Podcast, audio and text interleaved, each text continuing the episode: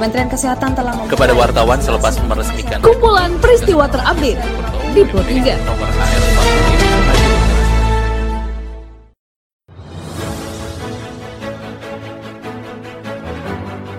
Halo pendengar, saat ini Anda sedang mendengarkan kumpulan peristiwa Pro 3.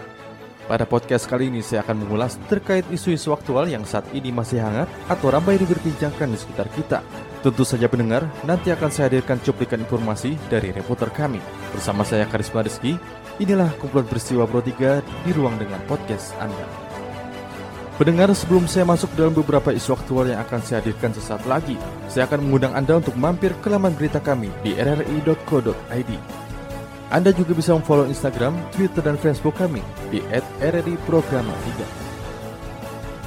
Baiklah pendengar, inilah kumpulan peristiwa Pro 3. Pendengar Wakil Gubernur DKI Jakarta Ahmad Riza Patria menegaskan mekanisme pengaturan operasional mal pada masa PPKM akan diatur oleh Asosiasi Pengelola Mal seperti terkait keharusan membawa sertifikat vaksin COVID-19 untuk pengunjung mal. Dilaporkan Apres Tutor berikut keterangan Wagub DKI Ahmad Riza. Mekanisme di mal nanti tentu uh, Asosiasi Mal akan mengatur ya setelah pengumuman malam ini tentu harus ada sertifikasi nanti ada QR code-nya bagi yang komorbid ada surat keterangan polisi bagi anak-anak di bawah 12 tahun kan tidak boleh ya.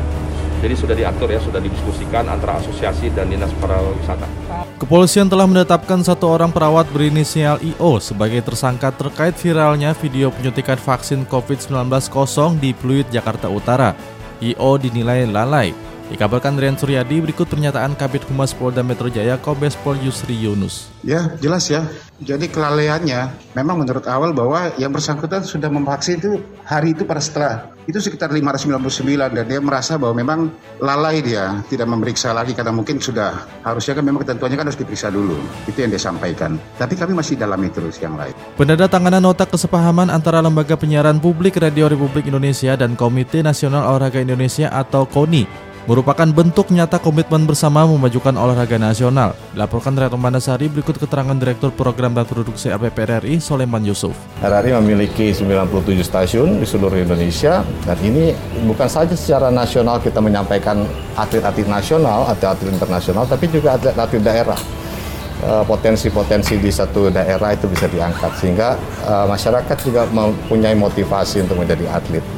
Sebanyak 19 desa di Kabupaten Buleleng, Bali terancam krisis air bersih, di antaranya desa Sinabun. Warga mengaku kesulitan untuk memperoleh air bersih.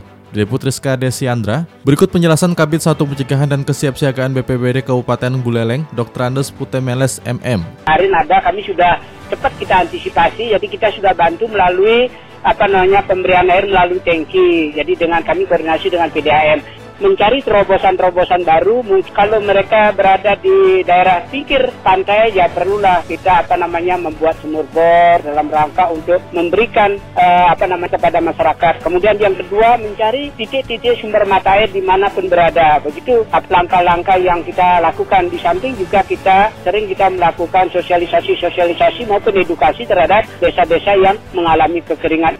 Para pendengar, informasi tadi sekaligus mengakhiri perjumpaan kita pada podcast edisi hari ini. Anda juga bisa mendengarkan podcast edisi hari ini di Spotify dengan hanya mengetik Pro 3 RRI di kolom pencarian Anda. Dan pendengar tetaplah menjaga jarak dan ikuti selalu protokol kesehatan. Saya Karisma Rizky, sampai jumpa. Kementerian Kesehatan telah kepada wartawan selepas meresmikan kumpulan peristiwa terupdate di Pro 3. Nomor